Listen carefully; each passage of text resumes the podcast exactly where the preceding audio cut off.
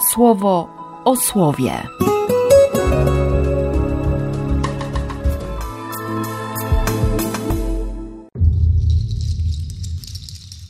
3 lutego, środa. Z listu do Hebrajczyków. Mając zatem wokół siebie tak wielki tłum świadków, i my odłóżmy wszelki balast i łatwo omotujący nas grzech i biegnijmy z uporem w wyznaczonych nam zawodach. Patrzmy na Jezusa, przewodnika wiary i dawcę jej pełni.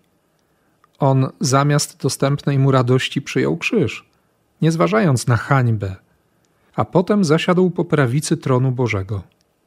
Myślcie o tym, który ze strony grzeszników zniósł taki względem siebie sprzeciw, abyście wyczerpani nie upadli na duchu. W walce z grzechem nie opieraliście się jeszcze aż do krwi. Zapomnieliście o zachęcie, która zwraca się do was jak do synów. Synu mój, nie lekceważ nauki Pana. Karcony przez Niego nie zniechęcaj się, bo Pan ćwiczy, kogo miłuje, chłoszcze każdego syna, którego uznaje. Dla poprawy to znoście. Bóg odnosi się do was jak do synów. Co to za syn, którego ojciec nie karci? Jeśli bylibyście bez karcenia, któremu podlegają wszyscy, to nie synami byście byli, lecz znajdami. Przecież i naszych co do ciała ojców mieliśmy jako sprawców karcenia, a szanowaliśmy ich. Czy zatem o wiele bardziej nie powinniśmy być ulegli Ojcu duchów, aby żyć prawdziwie? Tamci nas karcili według swego uznania na niedługi czas, a ten dla naszego pożytku, abyśmy mieli udział w Jego świętości. Każde karcenie doraźnie nie wydaje się radosne, lecz bolesne – lecz później przynosi błogi owoc sprawiedliwości wyćwiczonym przez nie. Dlatego naprężcie obwisłe ramiona i zwiotczałe kolana. Prosty zostawiajcie za sobą ślad waszych stóp, aby, choć co utykające, nie schodziło z linii, lecz raczej się naprawiło. Dążcie do pokoju ze wszystkimi i do uświęcenia, bez którego nikt nie ujrzy Pana. Uważajcie, aby nikt nie wyłączył się z łaski Boga, aby jakiś pęd gorzki, w górę wyrastając, nie stał się zarazą i przez niego skażeniu wielu by uległo. By nie pojawił się jakiś rozpustnik lub bezbożnik jak Ezaf, który za jeden posiłek odstąpił przywileje swego pierworództwa. I wiecie, że choć potem pragnął otrzymać błogosławieństwo, został odtrącony – już nie uzyskał zmiany myśli, choć ze łzami jej się domagał. Z Ewangelii według świętego Marka. Potem oddalił się stamtąd i przyszedł do swojego rodzinnego miasta. Towarzyszyli mu jego uczniowie. Gdy nastał szabat, zaczął nauczać w synagodze. Wielu słuchaczy ze zdziwieniem mówiło: Skąd mu to? Co to za mądrość mu dana? takie moce objawiają się za jego sprawą? Czy to nie jest ów cieśla, syn Maryi, brat Jakuba, Jozesa, Judy i Szymona? I czyż to nie jego siostry są tutaj u nas? I czuli się nim zgorszeni. Jezus powiedział do nich: Nigdzie nie lekceważą proroka, jak tylko w jego ojczyźnie, wśród jego krewnych i w jego domu. I nie mógł tam uczynić żadnego cudu tylko na paru chorych położył swoje ręce i uzdrowił ich. Dziwił się ich niedowiarstwu. Potem obchodził okoliczne wsie, nauczając. Pozwoliłem sobie na lekturę tych pierwszych piętnastu wersetów dwunastego rozdziału listu do Hebrajczyków, żeby poszerzyć trochę perspektywę, a właściwie, żeby, żeby nic mi nie umknęło bo naprawdę ostatnimi miesiącami doświadczam tego faktu, że, że mamy Kościół, w którym mogę czuć się bezpiecznie. Że Bóg naprawdę otwiera mi oczy na wspólnotę. Autor natchniony pisze: Mając zatem wokół siebie tak wielki tłum świadków, i my odłóżmy wszelki balast i łatwo omotujący nas grzech, i biegnijmy z uporem w wyznaczonych nam zawodach zostawić to, co ciąży, zostawić to, co zatrzymuje, co hamuje, dać się uwolnić, od tych wszystkich więzów, od całego skrępowania złem i patrzeć na Jezusa. Patrzeć na Jezusa wtedy, kiedy jest się wyczerpanym.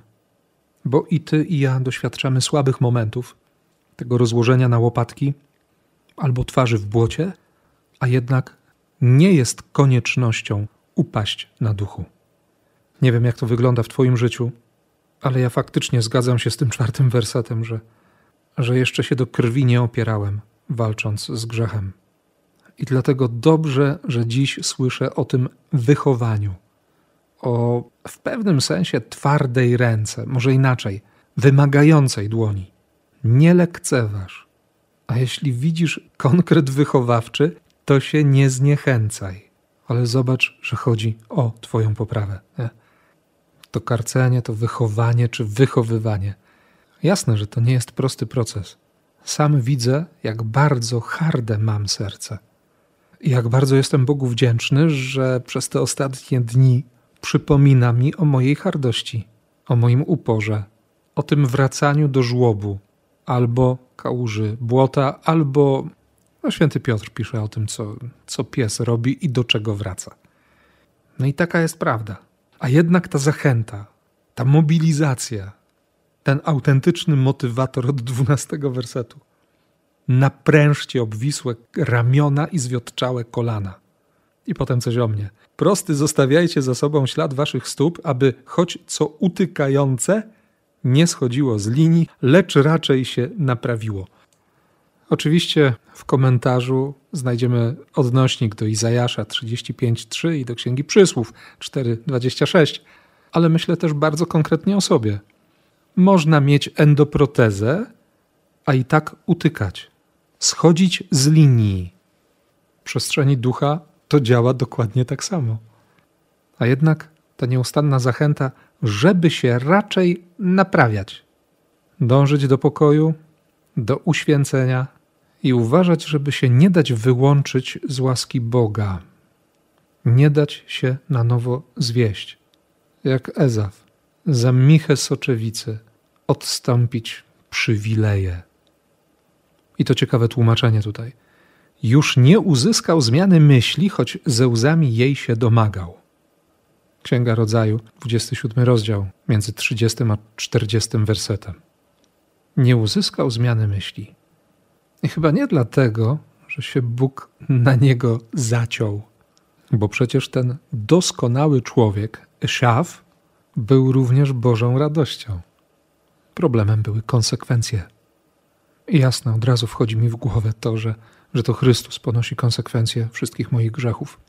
Choć często też w ogromnym miłosierdziu i według tych zasad, które tutaj autor listu do Hebrajczyków podaje jeszcze wcześniej, szczególnie z Księgi Przysłów, trzeci rozdział, 11-12 werset, on pozwala mi doświadczyć tego, jak smakuje grzech, czym pachnie zło. I to jest to, co się dzieje dzisiaj w Ewangelii. Było pasmo sukcesów, uwolnienia, uzdrowienia, wskrzeszenia, bo przecież chwilę wcześniej Jezus obudził tę dwunastoletnią dziewczynkę i wraca do siebie, do swoich, do tych, którzy go tak dobrze znają, a przynajmniej którym wydaje się, że wiedzą o nim wszystko. Już nie chodzi o to, żeby się znowu pastwić nad Nazaretem, czy właściwie mieszkańcami Nazaretu.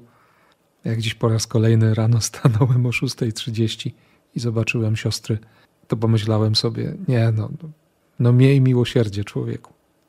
I o ile święty Marek nie podprowadził mnie tak czytelnie i przejrzyście do tego miłosierdzia, to zrobił to Orygenes w komentarzu do Ewangelii. On się odwołał do piątego wersetu szóstego rozdziału Ewangelii Marka, komentując właściwie paralelną sytuację z Ewangelii Mateusza. Dobrze, że się za Łukasza nie wziął, bo, bo Łukasza przecież ludzie wyrzucili Jezusa, chcieli go zabić. Ale i Mateusz, i Marek zaznaczają, że że Jezus nie mógł nic uczynić, nie mógł uczynić żadnego znaku, ale na kilku chorych położył ręce i ich uzdrowił. I słuchając komentarza Orygenesa, doświadczyłem właśnie tej prawdy, że moc, która była w Chrystusie, nawet w takich warunkach przemogła niewiarę. to był jakby odprysk potęgi tej miłości, która była w Jezusie. Potęgi miłości Ojca i Syna w Duchu Świętym. Ta miłość jest tak wielka, że nawet tych, którzy są zgorszeni Jezusem, po prostu dotyka. On naprawdę nie ma granic. To jest taka siła. Bardzo na nią liczę. Myślę, że Ty też. Właśnie na taką siłę, kiedy, kiedy jestem zgorszony Jezusem, kiedy jestem zgorszony tym, co On robi, jak bardzo się wymyka granicom, które Mu postawię, pojęciom, w które próbuję Go wtłoczyć. Przekracza to wszystko po to, by kochać. I chcę. Chcę dalej odkrywać tę miłość w Kościele. Dzisiaj papież Franciszek mówił o liturgii, nie? o tym, że od liturgii zaczyna się miłość bliźniego. Po raz kolejny chcę, bez względu na to, jak się zachowują w Nazarecie, bez względu na to, co ja sobie myślę o Jezusie, bo przecież go znam, przecież tyle o nim wiem, przecież mamy takie doświadczenia wspólnych spraw. Po raz kolejny proszę go, abyśmy i ty, i ja ciągle znajdowali się w tym zasięgu Jego miłości. Więc na to związanie z Jezusem, na to bycie blisko, bardzo Ci błogosławię w imię Ojca i Syna i Ducha Świętego. Amen. Słowo o słowie.